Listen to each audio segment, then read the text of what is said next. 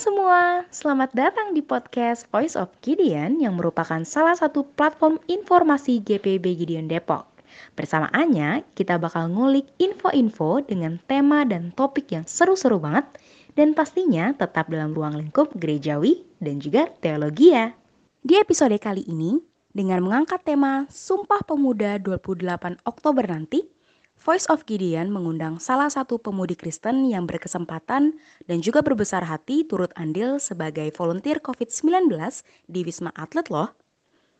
Yuk, simak pergumulan dan juga sukacitanya Sherry Anastasia, seorang mahasiswi tingkat akhir yang akan memberi kita insight tentang bagaimana sih seharusnya kita sebagai pemuda Kristen Indonesia memperingati peristiwa Sumpah Pemuda kali ini dengan beraksi dan bukan hanya omongan basi mau dengar introductionnya dari Sherry dong. Siapa sih Sherry Anastasia ini?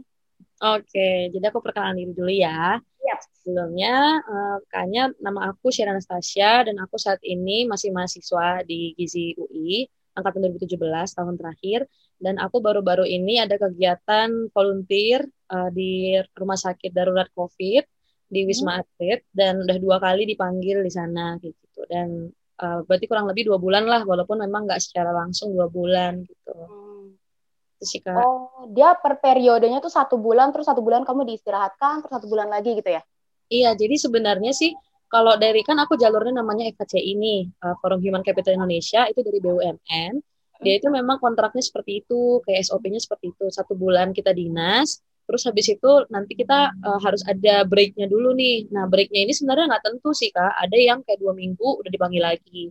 Kalau aku waktu itu satu setengah bulan, jadi kayak nunggu gitu sampai ada lowongan lagi. Baru deh selanjutnya aku mendaftarkan diri kembali ke istilahnya aku bisa nih kak untuk kalau sekarang jadi volunteer. Jadi aku dapat lagi di bulan kemarin di bulan Agustus ke hmm, September. Hmm, hmm. Oke oke. Jadi kita sempat ngobrol juga ya share tentang kamu ternyata simpatisan di gereja kita GPB Gideon. Betul. Yang mana berarti kamu setiap minggu sebelum pandemi berarti ya itu hmm. gerejanya di Gideon ya? Iya betul. Tapi, selalu, huh? selalu di Gideon. Selalu di Gideon. Ikut aktivitas-aktivitas atau kegiatannya gitu nggak?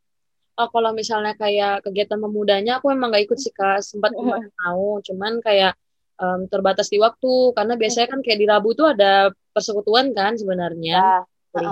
Nah, cuman biasanya pun aku kalau sore itu ada masih ada kelas sampai jam 5 gitu. Hmm. Jadi aku baru-baru tahu itu pas aku udah kayak semester 3 4 dan itu semester yang memang aku lagi padat-padatnya gitu Kak. Makanya baru pas mau sekarang-sekarang ini mungkin mau coba eh tapi karena pandemi juga ya sudahlah gitu paling ya oh. nonton dari YouTube-nya Gideon aja.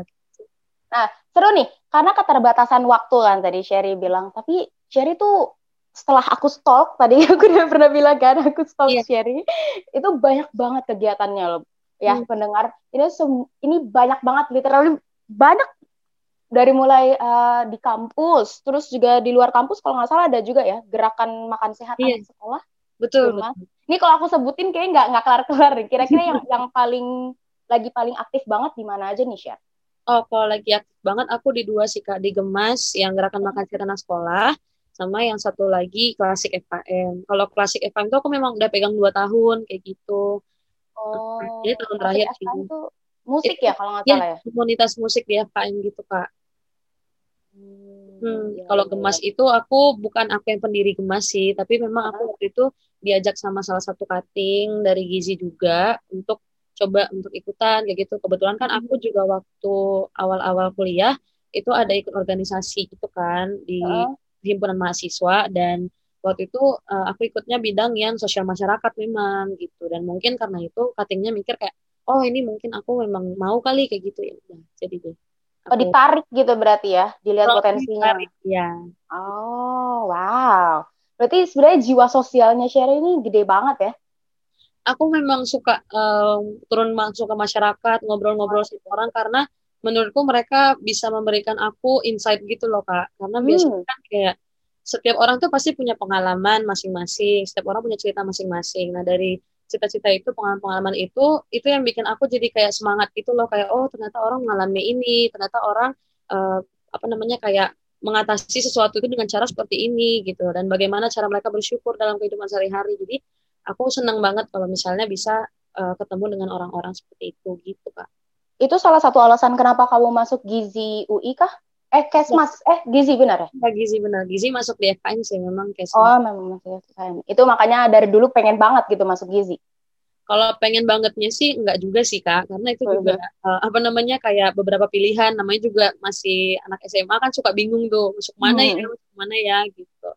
Terus kayak memang sempat kepikiran uh, mau yang kesehatan gitu. Terus mikir yang paling dekat sama kehidupan sehari-hari yang memang dibutuhkan orang dalam setiap hari kan pasti gizi gitu kan makanan hmm. karena orang mau sakit mau sehat pasti butuh makanan gitu ya benar-benar kayak gizi kayaknya masuk deh gitu cocok deh gitu karena sebenarnya kamu masuk apa pun bakal eh daftar apa pun kayak bakal masuk ya karena aku uh, sempat baca kamu adalah peraih UN terbaik ya di Kepri. Iya. Waduh. Iya, Kak. Hebat sekali. Makasih. Gila, gila. Eh ya, uh, mau tanya juga nih. Kan tadi hmm, ngomongin tentang waktu, terus kamu juga di Gizi, cukup banyak kegiatannya gitu ya di organisasi-organisasi. Itu jatuhnya kegiatan-kegiatan di kuliah dan organisasi yang mengganggu kamu volunteer atau volunteer yang mengganggu kamu nih jadinya nih? Um, kayaknya saling ganggu-gangguan deh kak. Cuman saling ganggu-gangguan ya. Seru nih. Pembagian waktunya ya, gimana sih? Masih bisa balance gitu karena um, kebetulan kalau memang waktu pertama itu itu rasanya berat sih karena uh, shift per, shift aku di yang pertama kali di dekontaminasi tuh itu 8 jam. Terus kayak um, jadi kan harus ada rolling gitu lah dalam satu hari itu ada tiga shift. Jadi bisa jadi hari ini aku masuk pagi-pagi buta, besok aku masuk sore gitu. Jadi kayak gitu shiftnya itu ada yang dari jam 2 pagi sampai jam 10 pagi gitu kak gitu. tapi dari awal udah terjadwal kan ya iya udah terjadwal memang seperti itu cuman kan kayak membaginya sama kapan aku harus rapat sama teman kapan iya, iya, iya. harus kuliah kayak gitu. Untungnya memang puji Tuhannya bisa teratasi dengan baik karena memang waktu itu mungkin karena masih awal-awal ya masih awal-awal transisi PJJ jadi dosen-dosennya masih agak bingung gitu loh kalau misalnya terlalu banyak kuliah jadi lebih banyak ketugas kayak gitu. Nah makanya oh. masih bisa aku atasin kayak gitu. Paling ya jadinya aku agak skip di diskusi kelompok kayak gitu. Tapi tetap bagian aku akan aku kerjakan sebelum deadline seperti itu tapi yang bagian kedua nih yang sekarang yang barusan aku selesaiin tuh agak challenging menurut aku. Oh iya. Aku itu sambil magang gitu magang. Memang kalau di kuliah aku tuh ada dua kali magang. Satu magang masyarakat satu magang rumah sakit. Kalau magang masyarakat ini yang lagi aku jalanin kemarin itu istilahnya aku melakukan penyuluhan dan konseling gizi ke orang-orang yang ada di Jabodetabek. Nah, jadi ini yang challenging itu karena ngatur waktu antara aku mau ngasih penyuluhan sama konseling ke orang-orang sama kapan aku shiftnya gitu. Bersyukurnya aku di apa namanya di kali ini itu bidangnya bidang admin swab dan emang terjadwal itu dari jam 8 sampai jam 12-an. Pernah sih sampai jam setengah satu tapi ya nggak lebih dari jam segitu. Jadi istilahnya itu masih jam-jam yang orang masih free kan gitu. Jadi aku bisa kayak mengusulkan dari jam 1 sampai jam sekian kapan kalian free-nya biar kita bisa konseling ataupun kita penyuluhan kayak gitu. Jadi jadi jam 8 sampai 12 siang berarti. Hmm, biasanya jam 8 sampai jam 12. Kalau makin banyak pasien yang di swab, semakin banyak juga uh, semakin lama juga aku pulang seperti itu, Kak. Jadi memang challenging di situ sih. Dan bersyukurnya juga lagi ini puji Tuhan banget sih memang berkat hmm. Tuhan itu enggak uh, apa namanya benar-benar udah gitu uh, uh, benar-benar nggak berkesudahan karena kayak aku itu kan masuk kuliah 14 September dan kebetulan aku selesai dinas itu terakhir tanggal 24 September di antara tanggal 10 hari itu kira-kira itu aku ada yang kayak kelasnya clash gitu kak. Jadi kayak antara yang harusnya aku kelas jam 8 pagi tapi kan aku dinas tuh jadi akhirnya aku nggak bisa ikutan kelasnya. Tapi untung aku izin ke dosennya dan dosennya memperbolehkan gitu. Yeah. terus juga ada juga uh, kelas yang kebetulan jam 8 pagi tapi untungnya pas aku lagi hari libur jadi aku bisa oh. tanpa harus uh, apa namanya kayak izin segala macam jadi intinya aku cuman kayak skip dua kelas doang gitu dari 10 hari itu makanya puji Tuhan banget jadinya nggak bermasalah di absen juga gitu. Gak banyak bolong ya istilahnya ya. Hmm, benar. Tapi CV tetap jalan gitu. Hmm, dosennya nggak marah dan shift aku juga tetap jalan kayak gitu.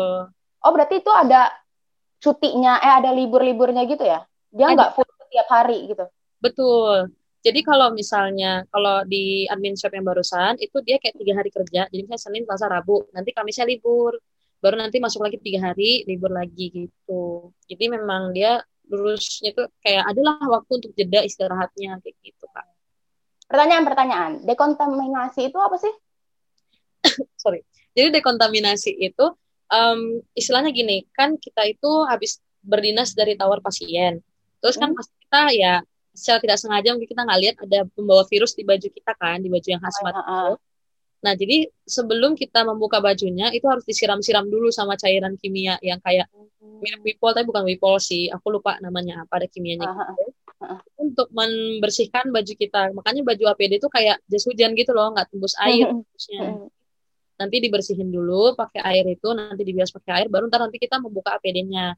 Nah, tugas dekontaminasi adalah memperhatikan atau mengawasi jalannya proses si uh, tenaga kesehatan membuka hazmat dan melakukan proses dekontaminasi itu gitu. Hmm. Nah kalau misalnya salah langkah bahaya bisa jadi malah uh, dia kena terinfeksi virus gitu loh karena memang oh. sedikit kasus di mana uh, tenaga kesehatan itu dapat virus dari proses dekontaminasi yang salah kayak gitu. Hmm. Ini puji Tuhan sih di Wisma Atlet bagus uh, proses dekontaminasinya itu udah lebih terstruktur lah ketimbang di daerah-daerah terpencil. Soalnya aku dapat kabar juga kayak dari teman-teman yang punya teman yang lagi dinas di daerah puskesmas yang memang uh, peralatannya tidak sememadai yang di sini kayak gitu. Benar-benar. Itu emang kayak banyak yang tenaga kesehatan malah jadi terinfeksi karena proses dekontaminasi yang tidak benar kayak gitu, tidak sesuai prosedur. Kan itu bahaya juga ya.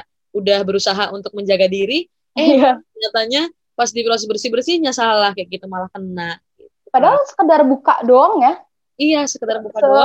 Sekrusial itu ternyata. Hmm, bener, krusial banget. Makanya um, kami itu juga yang kayak ngurusin limbahnya kayak gitu lebih ke yang ngikat-ikat sampah dan kayak ngumpulin sih tapi ya tetap harus memperhatikan prosedur makanya aku selalu pakai APD setiap dinas aku karena hmm. memang aku selalu bersentuhan dengan um, entah itu tenaga kesehatan yang habis berjumpa dengan pasien atau bahkan dengan pasiennya langsung kayak gitu kak menarik tuh si limbahnya itu dimasukin ke mana ya Chef? itu ada alatnya kak namanya insinerator nah oh. itu dia akan membakar limbahnya gitu mengolah limbahnya biar jadi um, kayak debu atau kayak abu kayak gitulah istilahnya. Hmm. Nah, baru uh, alatnya itu sendiri itu ada dua sih yang, yang biasa dipakai. Yang pertama yang ada di Wisma Atlet sendiri.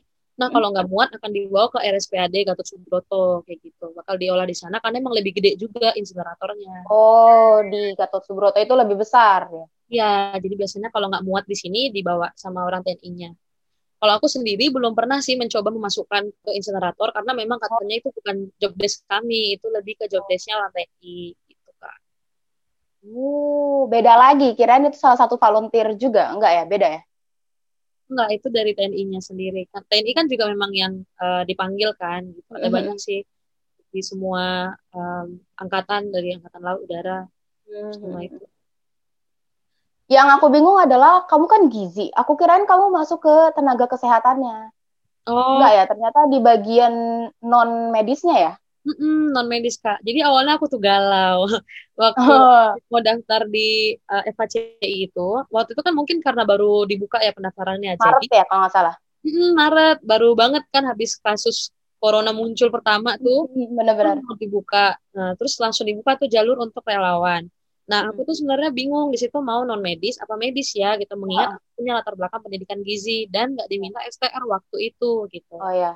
Jadi aku kayak mikir kan mana nih gitu. Terus aku jadi mikir lagi nih, tapi gizi itu kan nggak bisa sembarangan gitu loh. Gizi itu uh, walaupun terlihat sederhana, tapi sebenarnya banyak yang dikalkulasikan. Misalnya seperti dia itu punya latar belakang penyakit apa, terus dia punya alergi apa. Nah, hmm. itu yang aku takutin gitu karena walaupun aku sudah dapat mata kuliahnya uh, kayak kasus-kasusnya gitu, tapi aku belum turun langsung ke rumah sakit. Harusnya kan aku tahun ini nih magang di rumah sakit, tapi karena COVID kan ditutup semua. Jadi akhirnya tahun depan, tapi itu masih belum tentu dibuka sama rumah sakit. Nah, makanya aku jadi nggak berani nih ngambil medis gitu. Aku takutnya aku sok-sokan kayak gitu. Aku nggak karena belum pernah ketemu kasusnya langsung gitu ya. Betul, oh. iya kasusnya paling ya dikasih sama dosen kayak gitu. Yang walaupun memang itu kasusnya beneran ada, cuman yang oh, namanya oh, ya. berubah gitu. Jadi akhirnya aku pilih non medis aja, mengingat aku juga belum lulus belum ada STR kan. Jadi ya udahlah uh, aku pilih non medis gitu. Hmm, bulan Maret itu kan tadi kamu bilang pas lagi orang lagi takut-takutnya gitu ya. Kayak, keluar aja nggak mau gitu hmm. ketemu orang aja takut gitu tapi kamu memberanikan diri datang ke wisma atlet daftar ya hmm. itu kenapa Sherry kenapa iya jadi sebelumnya itu ini sebenarnya terima kasihnya kepada mama banget sih karena Oh, gitu. mama uh, uh, mama yang tahu soal pembukaan volunteer ini. Aku bahkan nggak tahu kalau misalnya ada pembukaan volunteer untuk Wisma Atlet sebelumnya. Nah, mama kayak lagi ngeliat Instagram gitu kan, terus kayak ngeliat Instagramnya Pak Ahok gitu ada kayak nge-share gitu, uh, tentang pembukaan volunteer di Pertamina, eh, Pertamina, pertama uh, BUMN kayak gitu. Mhm. Nah, terus habis itu mama aku bilang, eh ini ada pembukaan volunteer, coba aja gitu daripada nanti juga nggak ngapa-ngapain kan kayak gitu. Terus kayak aku tuh yang malah justru takut di awal karena Oh. namanya juga apa namanya baru-baru muncul kasus kan. Jadi aku Ya, agak ha, ha. kayak hmm, pengen sih gitu kayak ini menarik banget gitu. Apalagi Ya, ya. aku belum pernah volunteer sebelumnya. Nah, aku pengen gitu kan, tapi kepikiran lagi nih, ih, tapi ini kan eh, aku langsung ke sarangnya nih gitu istilahnya ke Wisma Atlet langsung. Serem gak sih kayak gitu. Nah, setelah akhirnya em, berdiskusi sama ternyata papa sama mama juga sangat mendukung gitu loh kayak ya udah ikut aja kayak gitu lumayan pengalaman seperti itu kan. Dan yang penting kan aku disiplin dan juga aku sampai minta sama em, sejenis bos aku lah gitu bisa dibilang bos aku di Gemas gitu aku minta sarannya. Dia tuh dokter soalnya. Nah, jadi aku minta sarannya kira-kira aku terima nggak ya? Kayak gitu ada apa aku buat ini nggak ya? Gitu. Akhirnya aku beranikan diri lah kayak gitu untuk eh, mendaftar sebagai volunteer kayak gitu terus ya sebenarnya kan aku mikirnya eh, mendaftar volunteer ini ya udahlah coba-coba dulu belum tentu juga keterima. Karena aku Iya, ngeliat di postingan Instagramnya banyak banget likers sama Iya, yang iya, di tag-tag orang gitu. Jadi pikir ah nggak keterima juga. Jadi akhirnya aku pilih yang pilih lagi yang di RSUI kayak gitu. Jadi aku waktu itu daftar dua gitu. Hmm. jalur UI Buka sama juga ya kalau nggak salah di RSUI ya. Betul aku daftar kan. Eh bukan RSUI kak dari UI deh sorry salah. Aku Oh, dari tapi bakal di tempatnya di RSUI. Sepertinya begitu soalnya UI-nya kerjasama sama BNPB waktu itu BNPB memang ada kerjasama sama beberapa tempat gitu kan BNPB itu apa tuh? Badan Nasional Penanggulangan Bencana kak Oh ya, oke. Hmm.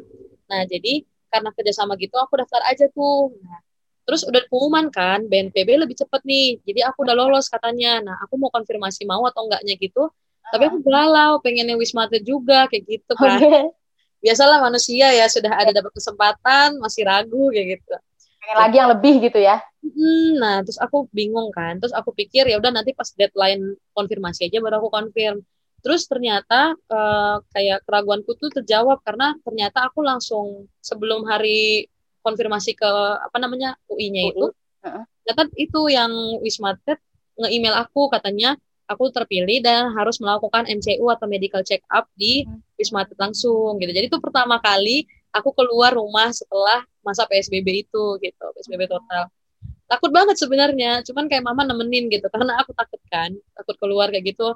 Apalagi naik kereta segala macam waktu itu sepi banget hampir nggak ada orang gitu. Ha, ha, ha. Mm-mm, terus kayak ya udahlah aku beranikan diri. Terus eh, coba medical check up-nya lihat dulu kan apakah eh, bisa atau enggak dan sebelumnya hampir ada kendala sih kak. Aku hampir Hmm. lolos juga. Karena aku punya riwayat penyakit paru kayak gitu. Oh, Heeh, tapi aku beranikan diri kayak aku bisa kok gitu. Aku mau.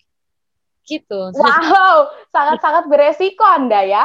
Sungguh iya sangat berani. iya dokternya juga saya bilang ini yakin gitu. Karena aku kan nama eh, radang paru aku tuh bronkitis gitu kan. Dan emang kurang lebih mirip lah gitu. Maksudnya eh, di daerah-daerah dalam paru bukan di daerah hidung lagi gitu masalahnya gitu.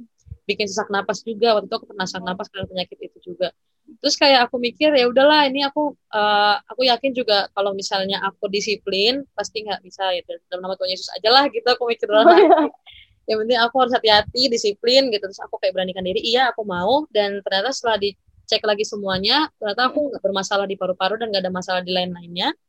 Oh. ya udah aku tunggu deh sampai akhirnya dipanggil di bulan Juni. Iya dipanggil di bulan Juni itu aku udah Hmm. hampir hopeless sih sebenarnya kak karena udah tiga bulan nggak dipanggil kan aku pikir Ya. berarti emang kayaknya rezeki aku nanti kalau ada pulang lagi deh aku baru daftar kayak gitu eh dua bulan deh nggak dipanggil Mikir, harusnya gue ambil UI aja ya. Kenapa gue Iya, nolak mulai UI ya? berpikir seperti itu harusnya kayak sekolah UI gitu gara-gara yang ini nggak jelas juga gitu dipanggil deh untuk dekontaminasi gitu ya, di bulan Juni ya. Mm-mm, di bulan Itu Juni periode pertama berarti. betul kak Hmm, Juni masuk. Kalau nggak salah masa kerjanya dua minggu ya. Terus dua minggu isolasi gitu. enggak kak empat minggu Empat minggu full berarti. ya empat minggu full terus dua minggu isolasi Oh, satu setengah bulan berarti sebenarnya ya? Um, ya kurang lebih seperti itu. Pokoknya dinas itu 30 hari lah kak. Kontrak Hmm. kerjanya 30 hari. Jadi kayak satu bulan. Iya. Baru um, apa namanya karantina isolasi mandiri dua minggu itu. Ternyata Sebelum pergumulan sebelum masuknya itu bukan kalau aku mikirnya tadinya orang tua kamu yang akan sangat-sangat Hmm. worry, khawatir, lu iya, anak gua udah mana anak cewek, baru masih baru masih kuliah gitu kan. iya, Belum kelar kuliahnya udah gue taruh di Wisma aja. Eh ternyata dari orang tua justru. Iya. Jadi kayak bapak mama aku yang malah mengencourage aku untuk melakukan itu. Makanya aku bersyukur juga sih karena orang tua aku suportif dan percaya sama aku gitu sih kak. Iya, benar-benar percaya sama anaknya sendiri gitu ya. Kalau misalnya memang bisa disiplin dan bisa jaga diri gitu ya. Iya, betul. Tapi respon temen-temen gimana tuh jadinya? Kan pasti nggak mungkin semuanya uh, positif. Wow, keren banget Sherry. Pasti kan ada yang mikir, "Ih, Hmm. kalau gue deket-deket Sherry, dia kan dari Wisma gitu. Kayak gini-gitu ada nggak sih? Hmm, aku bahkan nggak cerita awalnya kak. Aku nggak Oh cerita gitu. kalau aku mau jadi volunteer dan ak- makanya aku nggak nge-share gitu link volunteer ke teman-teman. Walaupun sekarang aku agak nyesal sih, jadi kayak aku nggak berbagi ke teman gitu kan. Padahal mungkin ada teman yang mau juga. Banyak sih bahkan yang chat aku setelah mereka tahu aku jadi volunteer tuh mereka bilang mau juga gitu share dari mana gitu-gitu. Cuman aku udah terlanjur bilang ya gimana udah tutup cuma satu hari bukannya waktu itu gitu. Jadi kayak nggak enak sebenarnya. Cuman kayak aku juga takut waktu itu mau cerita ke teman-teman karena aku yakin pasti mereka punya pandangan sendiri kan kayak Iya orang benar-benar. ngapain kayak gitu sosokan atau mungkin kayak serem banget kayak gitu Berarti sama-sama dari tenaga kesehatan ya, dari iya background kesehatan gitu. mm, tapi pasti orang punya pemikiran seperti itu kan gitu Benar. Uh-uh, jadi aku nggak ngasih tahu bahkan kayak aku udah sampai di Wisma Atlet pun aku nggak aku baru ngasih tahu gitu jadi aku udah nyampe dulu nih di Wisma Atlet Heeh. baru um, kayak dua hari udah kerja gitu di situ baru aku chat mereka teman-teman aku lagi kerja nih gitu awalnya kita tuh sampai selesai dinas tapi kayak Iya. mikir nanti teman-teman pasti kecewa juga kalau aku nggak cerita kan maksudnya kayak aku Hmm. diem gitu ya udah aku beranikan diri cerita dan untungnya teman-teman terdekatku juga suportif sih gitu Hmm. Ya, ya, ya, ya. Nggak jadi ngejauhin ataupun jadi ngambek gitu. Kenapa nggak ngajak-ngajak gue sih lo? iya syukurnya sih nggak gitu. Oh, enggak ya. Berarti respon orang tua positif, respon teman-teman juga positif ya. iya tuh. Puji Tuhan. Nah, ini kan kamu eh udah apa ya? Udah selesai gitu ya masa volunteernya selama dua periode kemarin itu. Hmm. Pas hari keluar tuh ada yang rasa lost gitu nggak sih? Kayak ah, biasanya harusnya jam segini gue lagi ke gedung ini nih gitu. Hmm. Apa karena udah biasa aja karena periode pertama udah selesai terus ada gapnya gitu? Gimana? ada sih kak tentunya apalagi em, sebenarnya kalau yang di sesi yang kedua ini kan aku udah pulang aku pulang itu duluan kak teman-temanku pada belum pulang Oh gitu. iya pada Kenapa masih stay di sana Mm-mm. soalnya eh, karena kan apa namanya menikmati masa-masa terakhir belum tentu kan bakal dipanggil lagi dan kita kan Oh juga iya, iya. harapnya pandeminya juga cepat surut gitu istilahnya Benar-benar. nah jadi kayak mereka menikmati mungkin saat terakhir gitu loh untuk jadi relawan jadi ya quality Hmm. time lah sama teman-teman yang masih di sana kayak gitu. Cuman aku kan karena kepentingan kuliah dan ada mama juga di sini, masa aku tinggalin Mm-mm. mama lama-lama gitu. Hmm. Dan lagian udah sebulan juga main sama mereka, lagian eh, kalau misalnya memang apa namanya pengen main kan aku bisa nanti kapan-kapan main kalau misalnya PSBB-nya udah agak longgar gitu istilahnya. Hmm, Benar-benar benar. Jadi ngerasa Selama jadi ngerasa selama di Wisma itu kan kamu jadi pertama jadi dekom dekon, terus yang kedua jadi admin swab.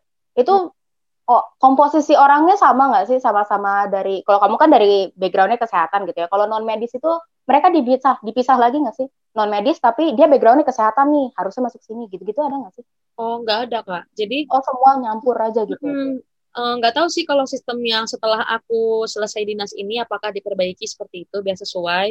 Tapi kalau misalnya pas aku itu enggak, jadi kayak benar-benar orang dari bidang mana pun, itu Hmm. dari background pendidikan mana pun itu jadi gabung satu gitu. Misalnya kayak aku kan dekontaminasi, emang catering kan bidangnya, ya masih searah lah sama aku kesehatan tuh. Oh, Tapi ya. temanku tuh ada yang perhotelan, ada yang ekonomi, ada yang eh, marketing gitu-gitu. Nah, jadi sebenarnya betul-betul beragam, tapi untungnya mereka punya disiplin kerja yang bagus gitu Kak waktu aku dinas di sana. Jadi sama-sama saling apa namanya kayak menjaga gitu dengan jangan sampai nggak disiplin lah mencuci tangan atau nggak disiplin dalam hal lainnya kayak gitu. Jadi emang Saling ngingetin juga ya. Hmm, saling ingetin juga. Nah, itu aku senangnya juga di Wisma Atlet tuh. Mungkin karena semuanya udah punya concern terhadap penyakit tersebut kan? Karena semuanya udah turun lapangan untuk um, menangani mas, mas, penyakit tersebut gitu.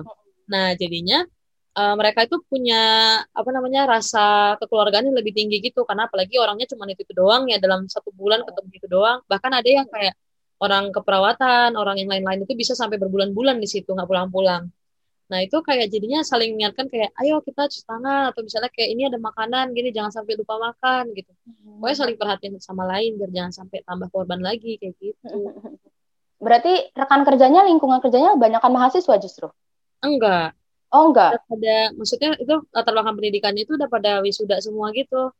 Oh. Karena aku aja aku kan lahir tahun 2000 Kak. Jadi huh? begitu um, tanya, tanya sama teman-teman kan, jadi lahir tahun berapa emangnya? Aku bilang 2000 pada kaget gitu. Bayi, bayi, masih kayak gitu. Iya, kecil gitu.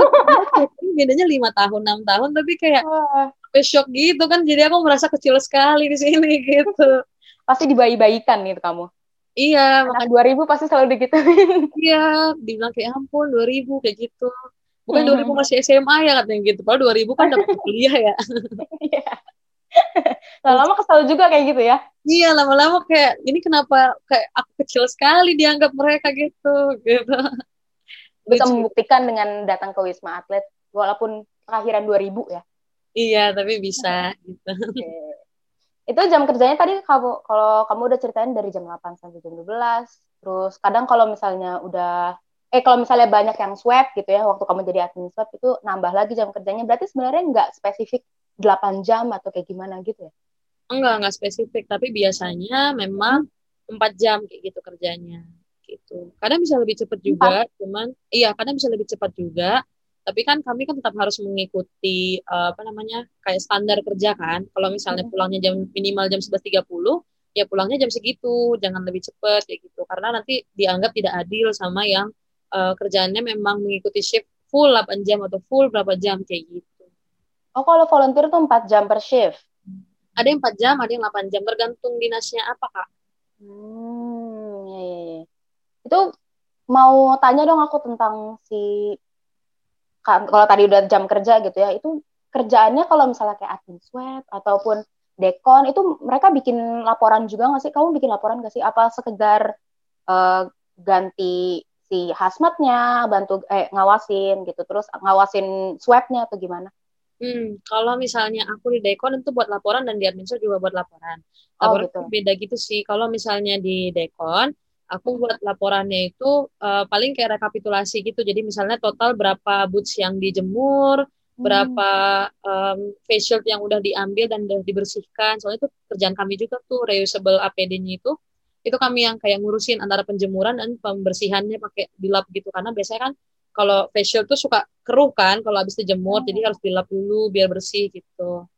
Terus kayak, mm -mm, terus habis itu uh, juga apa namanya sampahnya limbah APD ada berapa kantong kayak gitu terus kayak kunci motor untuk membawa barangnya ada di mana gitu dan jumlah yang di dekon ada berapa ratus orang itu juga mm -hmm. direkapitulasi semua dan itu laporan tiap hari tiap kali dinas oh. Sama kayak di admin swab juga laporannya tiap hari cuman bentuk laporannya beda jadi kalau di admin swab itu bentuk laporannya adalah uh, kan jadi kalau misalnya di swab itu kalau alur kerja aku ditawar aku tuh tawar pasien tawar tujuh itu nanti pasiennya mendaftar dulu nih di link gitu. Kalau dia mau di swab di hari ini gitu. Nanti setelahnya pasiennya datang tuh, terus habis itu uh, dia bakal di swab kan, membawa data form yang udah ditulis sama perawat. Dan nanti kami buat labelnya gitu untuk ditabung hasil swabnya itu gitu, biar nanti nggak sampai ketukar sama pasien lain.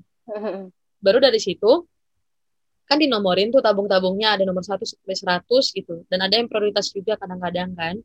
Nah, nanti dari nomor-nomor itu kita rekap di komputer terus sesuaikan dengan datanya lagi apakah ada data yang NIK-nya salah kah atau mungkin nama ejaannya salah tanggal lahirnya hmm. salah nomor RN salah gitu gitu pokoknya dicek lagi semua kelengkapan datanya dan kebenaran datanya baru deh nanti dikirim ke grup besar uh, swab gitu nanti akan dilihat oleh dokter penanggung jawabnya hmm.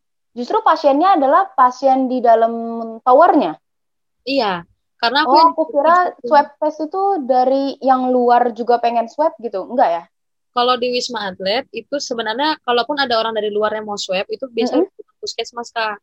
Jadi bukan oh. orang yang mandiri datang ke sini kayak mau disuruh dong gitu. Karena di sini kan istilahnya punya negara, jadi memang oh. ada beban biaya gitu loh kak. Nah kan nggak oh. mungkin sembarangan orang datang. Paling yang memang udah dari rapid reaktif atau mungkin karena pengaruh keluarganya ada yang positif kayak gitu. Makanya jadi seperti itu.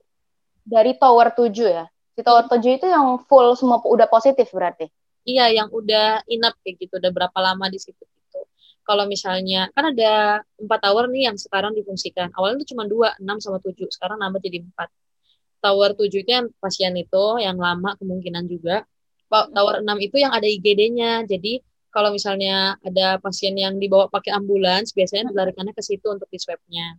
Terus kalau uh, tower yang lima ini yang baru dibuka kan, ini ya. untuk isolasi mandiri itu kak yang kemarin Pak Anies bilang isolasi mandiri orang OTG ke Wisma Atlet itu jadi memang banyak yang dirujukin ke situ, makanya langsung full gitu dalam beberapa hari, dalam seminggu kayaknya udah penuh deh itu. Soalnya kayak nambahnya 200, 200 kayak gitu. Jadi kan kapasitasnya kan juga terbatas. Jadi banyak. 200 tuh per, per apa? Per hari, per dalam satu hari gitu. Uh -uh, banyak wow. banget. Makanya waktu itu aku sempat merasakan hektiknya di uh, nge-swab orang-orang gitu. Walaupun aku memang nggak yang nyolokin ya, aku lebih ke nulis gitu. Tapi kayak aku ngeliat itu padat dan rame banget sampai kayak riwah lah pokoknya karena rame banget. Satu hari bisa 250-an kayak gitu. Oh. yang di swab gitu. Karena numpuk kan gitu deh. Ini rame banget.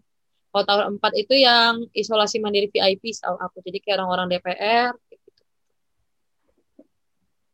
Emang rujukan juga sih tower 4 itu? Beda iya, lagi. hmm, beda lagi. Cuman aku belum kamu akomodasi penginapannya di tower? Tower 2 oh jauh berarti ya Iya cukup jauh. Yang paling deket tuh di Tower 3 sih. Tower 3 itu deket sama Tower 4. Hmm. Jauh juga dari 7 kan? Yang yang aku ya, panikin 7 juga sih. Iya. banyak yang positif di situ kan. Hmm. Cukup jauh kok. Kan ini seru banget ya aku dengar kamu me... terus kamu nyeritanya juga semangat banget gitu kayak I love this job terus kayak aku ingin melakukan ini terus-terusan tapi sebenarnya ada pergumulan sendiri nggak sih dalam diri kamu selama selama kamu uh, kerja di sini ya maksudnya. Hmm. Paling apa ya perhubungan aku tuh um, kan awal-awal aku kerja itu sebagai relawan gitu kan. Memang aku tidak mengharapkan apa-apa gitu.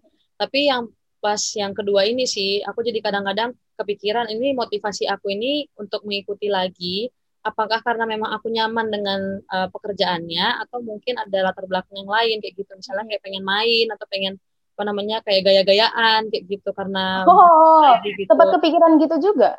Aku kepikirannya gitu karena aku hanya netting kak. Jadi kadang-kadang suka netting gitu. Kayak aku hmm. jadi suka takut gitu aku mendapat persepsi buruk dari orang. Itu sejujurnya oh. itu yang sisi buruk aku tuh sebenarnya itu gitu kan. Nah jadi karena orang kok aku juga sering netting kok. Iya kak. Jadi kayak aku takut gitu kan kayak apakah aku datang ke sini itu benar-benar mau membantu orang mau mau meringankan uh, maksudnya kayak mempercepat penyembuhan negara kita ini ataukah aku cuman kayak mau gaya-gayaan kayak kesannya kayak iya aku dipanggil jadi volunteer lagi kayak gitu. Hmm. so, kayak merasa dibutuhkan gitu ya hmm, kayak merasa dibutuhkan gitu. Tapi ya setelah aku pikir lagi ya memang mereka membutuhkan tenaga kan kayak gitu. Dan aku ya selama aku juga melakukannya dengan uh, apa namanya penuh syukur dan juga tidak kayak jadi sombong atau gimana ya aku rasa itu ya apa namanya enggak lah kayak gitu. Enggak yang jadi gaya-gayaan. Yang penting kan aku mendoakan aja kepada Tuhan supaya uh, selalu niatku ini diluruskan. Jangan sampai niat aku ini jadi uh, berkebalikan dari tujuan awal aku sebagai namanya relawan. Kayak gitu. Kalau momen ngeselinnya selama kerja ada gak kayak misalnya malam gitu harusnya aku bisa teleponan sama mama nih tapi aku harus shift atau aku harusnya bisa bisa kayak gini tapi aku harus ngerjain tugas gitu. Hmm kalau momen ngeselinnya itu mungkin di um, jam tidur sih kak. jam tidur aku itu semakin kacau, apalagi yang waktu di Depon itu kacau banget karena kan shift aku itu um, ada yang sampai dari jam 2 pagi sampai jam 10 pagi kan. Jadi kayak tidurnya kapan kayak gitu. Sedangkan teman-teman aku dan juga kesibukan kuliah aku menuntut aku kayak bukan menurut aku sih, tapi aku yang merasa aku tuh harus selalu on sampai jam 10 itu minimal 10 malam gitu itu minimal. Jadi kayak aku cuma bisa tidur berapa jam doang kan. Gitu. sementara aku pun punya pem, uh, masalah gitu dalam tidur. Aku tuh orang yang nggak bisa langsung tidur pulas gitu. Sama. Ya kan? Susah kan kan harus nontonin mukbang dulu aku harus nontonin mukbang lama ya, terus akhirnya ngapain gitu. Hmm, kalau aku putar lagu sih biasanya atau mungkin baca-baca kayak gitu, baru akhirnya bisa ngantuk kayak gitu. Hmm. Kan jadi kayak kacau banget, aku bisa kayak tidur cuma dua jam kayak gitu. Itu kan kamu posisinya udah capek banget ya, Sher ya? Udah hmm. badan capek, pikiran capek, entah itu gara-gara tugas kuliah, entah itu lagi aku nggak tahu sih kamu bisa homesick apa enggak kamu friendly sekali kamu kamu sangat semangat sekali aku nggak tahu tapi kalau misalnya dari faktor-faktor sekitar itu ya hmm. kalau misalnya ngelihat makin banyak apalagi tadi aku dengar 200 orang dalam sehari itu pernah kayak ya ampun ini kapan kelarnya gitu. Kayak apa sih yang salah sama negara gue sampai segininya gitu? Pernah sampai sedih gitu nggak sih Syar sambil hmm. kerja gitu. Iya pernah. Hmm. pernah banget. Bahkan kayaknya lumayan sering karena kalau waktu aku pertama di Dekon itu kan udah mulai agak surut tuh pas aku datang. Jadi kayak bulan Juni itu memang udah mulai agak surut jadi nggak sebanyak itulah pasiennya. Pas aku oh, gitu. pulang dinas dari Dekon itu langsung nambah. Makanya pada apa namanya kakak-kakak yang dari. Kemenkes gitu-gitu pada cerita curhat ih kalian pergi tapi malah pasiennya bertambah banyak gitu gitu kan. Dan aku ngerasain lagi nih pasiennya bertambah banyak itu pas yang aku kemarin dinas di swab ini. Banyak banget kan dan rasanya aku sedih banget sih sebenarnya kayak ini kapan kelarnya? Kayak gitu. Maksudnya kayak ini orang-orang kenapa nggak bisa diajak kerjasama sih? Gitu. Maksudnya kan saling menjaga nih. Gak ada hmm. dirugikan juga nih sebenarnya gitu kan kalau kita sama-sama berjuang kayak gitu bisa lebih cepat pulihnya kayak gitu. Tapi ini kan mungkin karena ya kita bisa pahami sih memang ada orang-orang tertentu yang penghasilannya memang berdasarkan penghasilan harian. Jadi kalau sekali nggak keluar ya nggak makan di hari itu kayak gitu. Tapi yang kalau misalnya memang nggak butuh-butuh banget kenapa harus keluar gitu? Ngapain gitu. Jadi kayak sedih banget sih kak. Apalagi makin nambah kasus kayak gini nggak tahu deh kapan kelarnya kayak gitu. Udah uh, apa namanya aku jadinya semakin susah untuk ketemu apa orang tuaku terutama papaku ya karena kan kalau hmm. mamaku masih sama aku nih di sini palingnya hmm. kangennya nanti pas yang di aku lagi dinas doang kayak aku hmm. makin susah ketemu papaku susah ketemu kakakku susah ketemu teman-teman yang udah pada mencer ke daerah masing-masing kayak gitu. Jadi sedih banget sebenarnya sih kak. Hmm, ya, kalau misalnya aku lihat gitu ya di story kamu atau feeds kamu itu tetap positif tuh gimana caranya? Kalau aku jadi kamu ya, udah malah 200 orang sehari itu aku bisa misuh-misuh di story loh. Kayak lu coba mikir gitu. Kenapa sih? gitu. Kalau aku aku pasti kayak gitu. Pasti marah-marah. Kamu kok bisa tetap stay cool tetap bisa ngedukasi orang tetap bisa ngasih positif vibe? Tuh gimana sih caranya? Jadi yang pertama dengan menenangkan diri dulu sih kak. Jadi kayak sebenarnya pengen sih marah kayak apalagi ngelihat suka ke trigger karena teman-teman juga sering marah tuh. Terutama kan aku punya beberapa teman yang memang udah uh, lulus dari pendidikannya jadi memang udah bergelut ke dunia medis gitu. Kan mereka juga sering marah-marah tuh kayak gitu. Sebenarnya pengen banget kayak uh, ngamuk-ngamuk gitu di sosmed cuman misuh gitu ya pengen pasti kan? Itu pengen banget sebenarnya. Tapi aku mikir lagi kayak untuk saat ini semua orang udah stres semua orang sudah mengalami uh, berat hati karena pandemi ini. Karena banyaklah pasti masalah yang timbul karena pandemi ini kan? Mm-hmm. yang kita harus sebut satu-satu gitu.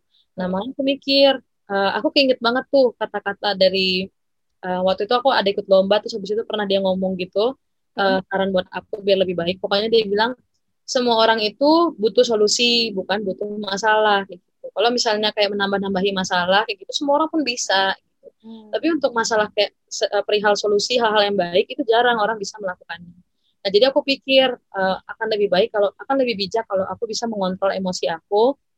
Jadinya ya coba aja untuk sharing positive vibes walaupun memang nggak selalu aku bisa uh, men-sharing positive vibes itu. Karena ya namanya juga aku kadang kadang-kadang suka kelewatan suka punya emosi kan manusia gitu kadang-kadang suka ya gitulah nggak bijak jadinya. Hmm. tapi ya itu aku berusaha untuk ya bikin orang jangan semakin stres kayak gitu hmm. dengan postingan-postingan aku gitu justru sebisa mungkin apa yang aku lakukan bisa nggak sih kayak biar bikin orang juga jadi semangat untuk sama-sama hmm mencegah pandemi ini semakin parah gitu. Nggak, biar nggak mereka juga nggak makin down gitu ya. ya gitu.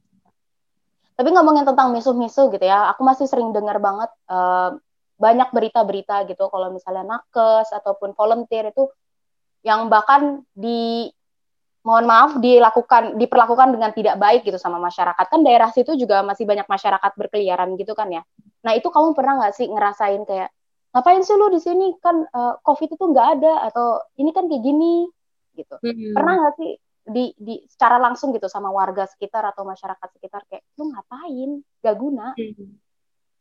um, ada secara langsung kayak gitu sih kak. Tapi lebih ke orang-orang kadang masih suka menganggap kalau covid ini konspirasi kayak gitu Jadi yeah. konspirasi global gitu loh karena iya, kayak yeah, yeah, yeah. yang mengambil keuntungan terbanyak kan sekarang ya kita tahu lah negara yang sebagai pemicu utamanya jadi kayak dianggap uh, dia sengaja menebarkan itu biar bisa uh, mengambil keuntungan sebanyak-banyaknya dari negara-negara lain kayak gitu. Mm-hmm. Pokoknya banyak lah orang-orang yang masih berpikiran konspirasi seperti itu. Apalagi juga bahkan temanku yang mikir kan kayak ini kita yang kerja di sini aja kerja langsung bisa nggak eh, nggak uh, positif alias negatif gitu.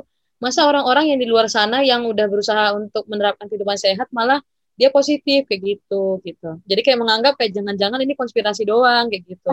kayak iya padahal sebenarnya penyakit ini kan real gitu loh udah banyak iya. korbannya gitu kan udah banyak juga dan bukan cuma orang Indonesia yang kena gitu satu dunia ini ini kan pandemi gitu tapi kan kemarin juga Trump baru kena kena kan iya Donald Trump baru kena gitu. Itulah makanya aku juga kepikiran gimana masanya. Itu ya kan banyak banget itu orang-orang. Iya. kalau dia mungkin bisa lah dapat pengobatan yang maksimal karena dia presiden hmm. kan, gitu. Yeah. gimana dengan masanya yang orang biasa kayak gitu. Hmm.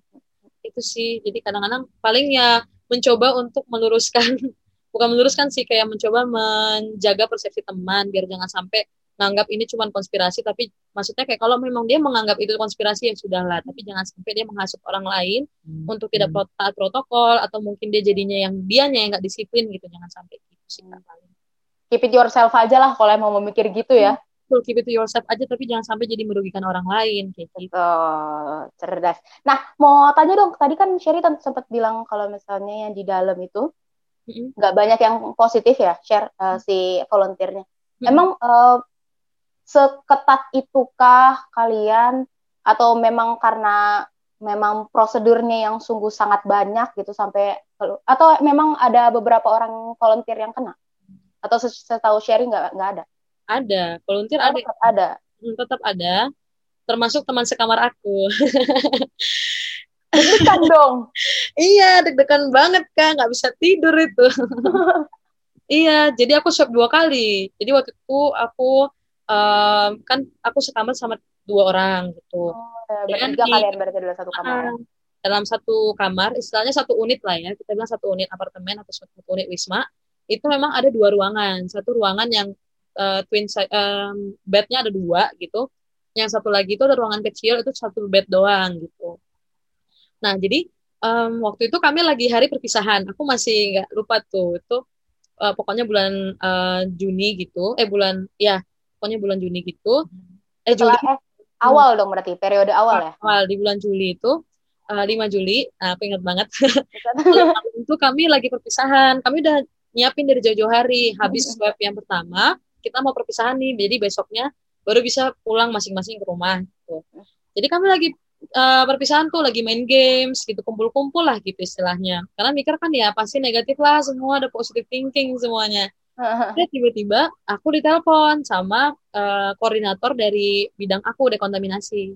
Awalnya sih aku nggak mau ngangkat gitu karena aku pikir dia emang orangnya suka nelpon gitu loh. Jadi aku pikir kayak memang gabut kali dia nelpon aku tiba-tiba jam 10 malam gitu aku kayak malas ngangkatnya gitu pokoknya aku kalau orang nelpon suka malas ngangkat gitu kan terus habis itu yeah.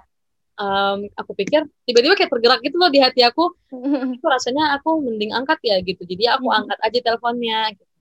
Terus dia tanya aku kawan sekamarnya siapa aja tuh gitu. aku sebut nama-namanya yeah. terus dia bilang coba kamu menyendiri dulu gitu wah aku udah panik nih jangan-jangan oh. aku yang positif kayak gitu huh. aku menyendiri teman-teman masih ngumpul kan jadi aku bilang permisi ya aku duluan dulu gitu jadi aku telepon terus dia bilang ternyata teman sekamar aku tapi memang dia tuh tinggalnya yang di kamar satu bed doang oh iya yeah, yeah. kayak gitu langsung aku langsung kayak shock nggak percaya banget gitu loh kak kayak ah masa sih teman sekamar aku ada yang positif? Kayak gitu. Apalagi kan kami selalu berbagi barang selalu oh, iya, iya. segala macem kan bareng-bareng. Uh-huh.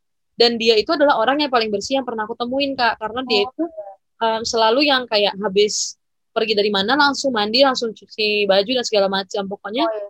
dia sebersih itulah gitu. Kayak mau itu pun baru main dari taman misalnya baru cuman sebentar ngambil makanan dari GoFood itu bisa kayak dia bersih bersih banget ada cuci tangan segala macam gitu dia orang paling bersih dan paling rapi lah yang pernah aku temuin gitu dan rajin juga. Tapi ternyata dia kena gitu. Aku betul-betul nggak percaya aku sampai bergetar loh gitu waktu itu banget. Terus dibilang sama kakaknya kalian lagi di mana? gitu. Terus aku bilang lagi kumpul-kumpul semuanya di sini katanya gitu.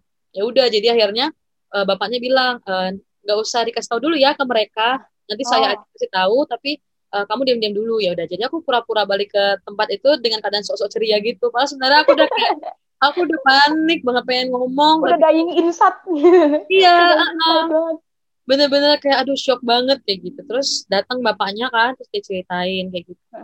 Terus ya udah semuanya pada kayak masih nggak percaya gitu. Semuanya masih shock kayak gitu. Baru akhirnya ya jadinya aku sama temen kamar aku yang berdua ini itu kami pindah kamar gitu. Jadi kami disuruh pindah kamar dan teman aku yang positif ini akhirnya beres-beres besok paginya dia pindah ke tower 7 kayak gitu untuk dirawat. Hmm. Sedih banget sih di situ, kayak pengen nangis bareng dan teman aku itu juga sampai nangis sih pas nelpon sama keluarganya gitu. Hmm. Sedih banget karena kita kan niatannya masuk bareng pulang bareng tapi kok kayak gini. Hmm. Jadi setelah akhirnya berpisah ruangan dan berpamit-pamitan, uh, beberapa hari kemudian kami dijadwalkan lagi untuk swab ulang kayak gitu. Jadi pas di swab ulang, terus puji Tuhan kami semua ternyata negatif ya udah jadi kami langsung pulang deh kayak gitu terus untuk teman kami yang positif itu ya kami cuma kayak ngasih barang doang sih kayak uh, biar dia semangat sama paling nge-video call dia hampir tiap hari kayak gitu biar kasih semangat. Dan ternyata setelah dua minggu dari sana akhirnya dia negatif kayak gitu. Oh puji Tuhan. Puji Tuhan. Hmm. itu kan tadi udah dua periode ya share ya. Udah sampai dapat teman yang positif juga dalam satu kamar gitu ya. Pengalamannya banyak banget semua di situ. Kamu udah tahu di dalam seperti apa dalam wisma seperti apa. Kamu juga pernah gap satu bulan ya di mm -hmm. luar terus kamu masuk lagi gitu menurut kamu gitu ya impact apa sih yang pengen kamu bawa setelah setelah dua periode kemarin kamu ikut ke volunteer di hmm. Wisma itu impact apa sih yang pengen kamu bagikan ke sekitar kamu sebagai pemuda gereja gitu? Hmm. Yang pertama adalah uh, jangan takut untuk uh, melakukan hal yang memang bertujuan untuk membantu orang lain gitu. Hmm. Terus jangan takut untuk kayak ya berbuat baik lah gitu. Hmm. Masalah nanti itu kita uh, apa namanya bisa mendapatkan berkat karena kita yang menolong orang lain itu ya itu urusan belakangan. Yang penting adalah iya. kita memberikan berkat dulu bagi orang lain karena dengan memberikan berkat itu kita sebenarnya juga udah dapat berkat kayak gitu karena gimana pun juga orang lain itu uh, pasti kan kayak punya pergumulannya sendiri segala macam kayak gitu yang seperti aku bilang tadi kenapa aku suka turun ke masyarakat ya karena itu kita bisa saling berbagi berkat gitu. Jadi sebenarnya nggak ada yang kayak cuma memberi memberi aja. Pasti dia menerima juga kok gitu. Cuma memang akan lebih menyenangkan kalau kita bisa memberi gitu. Adalah yang dari diri kita yang kita bagikan kepada orang gitu. Nah makanya dari situ istilahnya kayak ya penting kita inisiatif dulu untuk berbuat baik pada orang. Dan ya jangan mengharapkan balasan dari Tuhan terlebih dahulu gitu. Apalagi oh, jangan iya, iya, kan gitu kayak uh, Tuhan aku udah kayak gini nih gitu aku harap uh, semoga aku nanti dapat kayak gini-gini gitu jangan kayak oh, iya, iya. Gitu. karena gimana pun juga itu kita serahkan aja ke Tuhan kita lakukan yang terbaik sebisa kita nanti biarkanlah Tuhan yang membalasnya untuk kita kayak gitu entah itu kapan pun kan waktu Tuhan kan yang terbaik jadi kayak hmm, betul. kita percayakan aja semuanya kepada Tuhan yang penting kita lakukan sesuai porsi kita saat ini lakukan aja apa yang bisa kita lakukan gitu sih hmm. sama mungkin ya untuk meng, kalau dari sana itu um, aku dua kali di sana juga biar sebagai bukti orang sih kalau memang covid ini ada dan covid ini semakin banyak kasusnya dan supaya jangan takut untuk um, melawan maksudnya kayak jangan takut untuk ya sama-sama berjuang untuk melawan covid gitu. Jangan kayak parno-parno lagi gitu. Memang covid ada kok gitu. Jadi kayak kita sama-sama aja. Sekarang kita patuhin protokol kesehatan. Sekarang kita jangan banyak-banyak keluar kalau memang nggak perlu gitu. Ya lakukan hal yang memang bisa kita lakukan gitu. Sesuai porsi kita. Gitu sih kak kurang lebihnya berarti tetap, tetap akan selalu mengedukasi lingkungan sekitar pasti ya share ya Iya, walaupun mungkin secara nggak langsung gitu kak, kayak mm -hmm. bukan yang kayak aku langsung tiap hari buat postingan tentang yeah, yeah. itu. Karena menurut aku pun aku uh, kurang apa namanya kurang pengalaman di bidang tersebut gitu. Mm-hmm. Istilahnya kan aku cuma bisa berbagi cerita apa yang aku alami kayak gitu. Mm-hmm. Um, jadi paling ya aku cuma um, menceritakan ke orang supaya penting loh jaga kesehatan gitu. gitu. Mm-hmm. Karena sejujurnya aku pun bisa menyadari betapa pentingnya kesehatan ini karena aku kuliah di kesehatan kak. Dulu itu aku sebenarnya sangat abai sama kesehatan aku. Kayak aku mau belajar, mau ngajain tugas, mau begadang gitu. Pokoknya uh, aku selalu mengerjakan semua pekerjaanku walaupun jadinya itu memakan waktu aku istirahat dan memakan waktu aku untuk main kayak gitu jadi akibatnya ya aku memang waktu SMA sama SMP itu parah banget aku tiap hari pilek tiap hari ya gitulah pernafasan aku terganggu tapi semenjak kuliah karena aku sadar betapa pentingnya kesehatan karena percuma kan kita bisa melakukan segala hal tapi kesehatan nggak terjaga. Nanti suatu saat aku bisa betul-betul drop dan betul-betul nggak bisa melakukan apa-apa lagi. Jadi dari situ aku belajar memang penting menjaga kesehatan. Dan dari sinilah aku mau mencoba untuk mengingatkan orang-orang kalau kesehatan itu betul-betul mahal. Dan itu memang uh, kita nggak merasakannya sekarang mungkin. Tapi iya, di betul. masa depan nanti pasti akan berasa gitu. Karena secara gradual kan dia itu rusaknya. Hmm, betul gitu. berarti Sherry juga jadi saksi hidup gak ya? Gitu ya kalau misalnya COVID itu ada benar-benar sebuah penyakit dan bukan konspirasi ya? Betul kan kita juga diedukasi ke orang-orang gitu ya. Dan sebagai pemuda gereja ini sangat-sangat membanggakan sih kalau menurut aku. Karena gak banyak gitu ya orang-orang yang mau masuk ke dalam sarangnya si uh, virus ini. Itu hebat banget sih Sherry. Terima kasih kan. Ya, semoga bisa menginspirasi juga gitu ya banyak pemuda-pemudi yang tadinya mikir yang penting gue di rumah aja gitu atau yang hmm. penting hmm. yang penting mereka udah ada karena masih ada loh Sherry beberapa temanku masih ada mikir oh tenang aja masih banyak kok uh, volunteer-volunteer masih banyak nakes dan segala macam gitu. Kalau hmm. misalnya pun gua keluar itu nggak akan mengubah apa pun. Padahal di sisi lain banyak juga berita gitu. Kalau banyak rumah sakit yang kekurangan nakes gitu kan pasti ada kan Cherry kan? Tahu kan? Mm banyak yang nah. kekurangan apalagi tambah kasus kan sekarang jadi iya betul. kasus. nakes makin bertumbang gitu kan. Betul. tapi masih banyak juga orang-orang yang berpikir kayak gitu. Tadi kayak Sherry bilang juga sesuai dengan porsinya kalau emang uh, kita merasa nggak perlu-perlu banget gitu keluar nggak usah lah ngapain juga ngabisin duit ya nggak oh, sih iya betul banget. Karena sekali keluar pasti pengen jajan kan? Pengen betul. main jajan kan? Walaupun di rumah sebenarnya bisa habis gara-gara GoFood iya, juga. Iya. Dan dan juga uh, uh, marketplace marketplace ini memberikan diskon diskon juga ya pasti bakal berkurang juga sih ya. Tapi seenggaknya mengurangi gitu ya, ya kalau keluar kan lihat langsung impulsif gitu kayak beli ini itu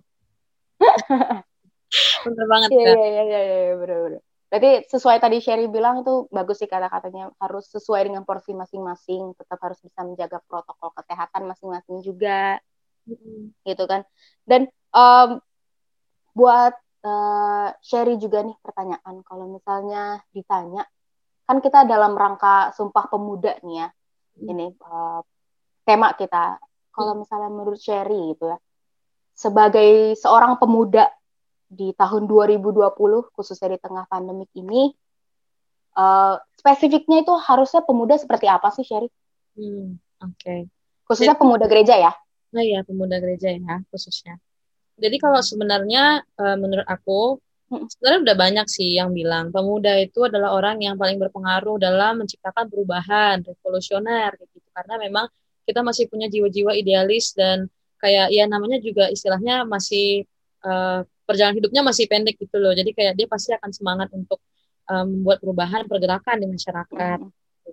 Kalau menurut aku sebagai seorang pemuda atau pemuda gereja yang baik itu setidaknya minimal memberikan uh, edukasi lah gitu kepada orang-orang bahwa memang uh, penting sekali bagi kita untuk uh, mencegah supaya COVID ini jangan semakin banyak gitu. Hmm. sebisa mungkin untuk selalu ya menerapkan protokol kesehatan dan sebagainya dan mungkin uh, karena ini kan pemuda gereja juga ya jadi bisa juga dengan saling sharing gitu. Mungkin uh, karena kasus ini kan makin banyak tidak hmm. menutup kemungkinan ada saudara kita atau mungkin ada tetangga atau teman kita yang bisa jadi terkena gitu. Ada yang positif gitu mungkin dari situ bisa saling sharing kayak gitu. Teman aku kayak gini loh kayak gitu.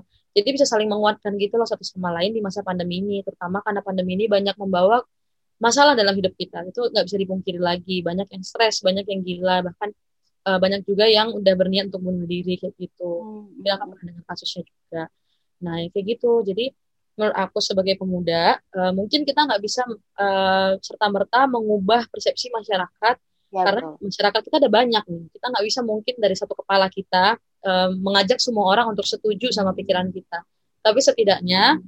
kalau kita bisa kekeh sama pendirian kita dan kita bisa hmm. terus mengingatkan orang untuk jangan sampai setidaknya pun kalau memang dia punya pandangan tersendiri jangan sampai menghasut orang lain itu sangat penting kayak gitu sama ya saling menguatkan dengan memberikan uh, apa namanya kayak um, ibadah yang online kayak gini juga menurut aku sangat menguatkan sih kak karena hmm. ibadah tetap jalan itu juga menurutku uh, suatu hal yang sangat bagus gitu. Walaupun memang kita sampai sekarang yang Gideon kan belum ada buka ibadah offline ya. Hmm.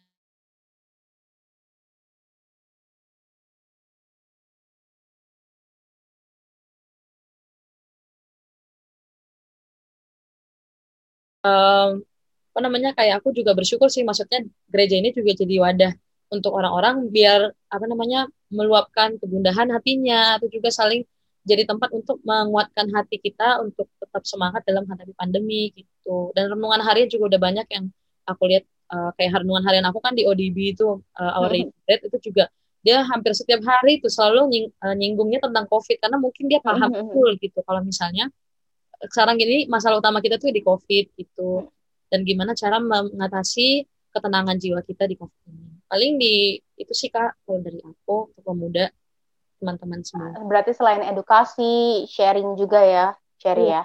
Mm-mm. Harus bisa saling jaga sanity masing-masing gitu ya, harus tetap jaga mm. biar duanya nggak cepet uh, down gitu atau pikirannya pikirannya ke mana-mana, cuma bisa parno doang, takut doang, tapi nggak tahu cara proteksi diri kayak gimana gitu ya. Yeah. Saling sharing tadi kalau kata Sherry ya entah itu sharing tentang pengetahuan si COVID-nya ataupun sharing ayat juga ya Sherry ya. Sharing ayat juga penting banget sih karena biasanya kan ayat itu memang sangat menguatkan kita kan karena itu firman hmm. Tuhan gitu. Ya minimal orang-orang jangan memprovokasi lah kalau udah kayak gini kan. Yang paling kalau misalnya ayat kalau misalnya ditanya aku uh, ayat apa yang bikin aku juga semangat dalam hal apa namanya ini men, apa namanya kayak untuk berkontribusi dalam hal penanganan COVID ini paling dari yang Galatia 6 sih.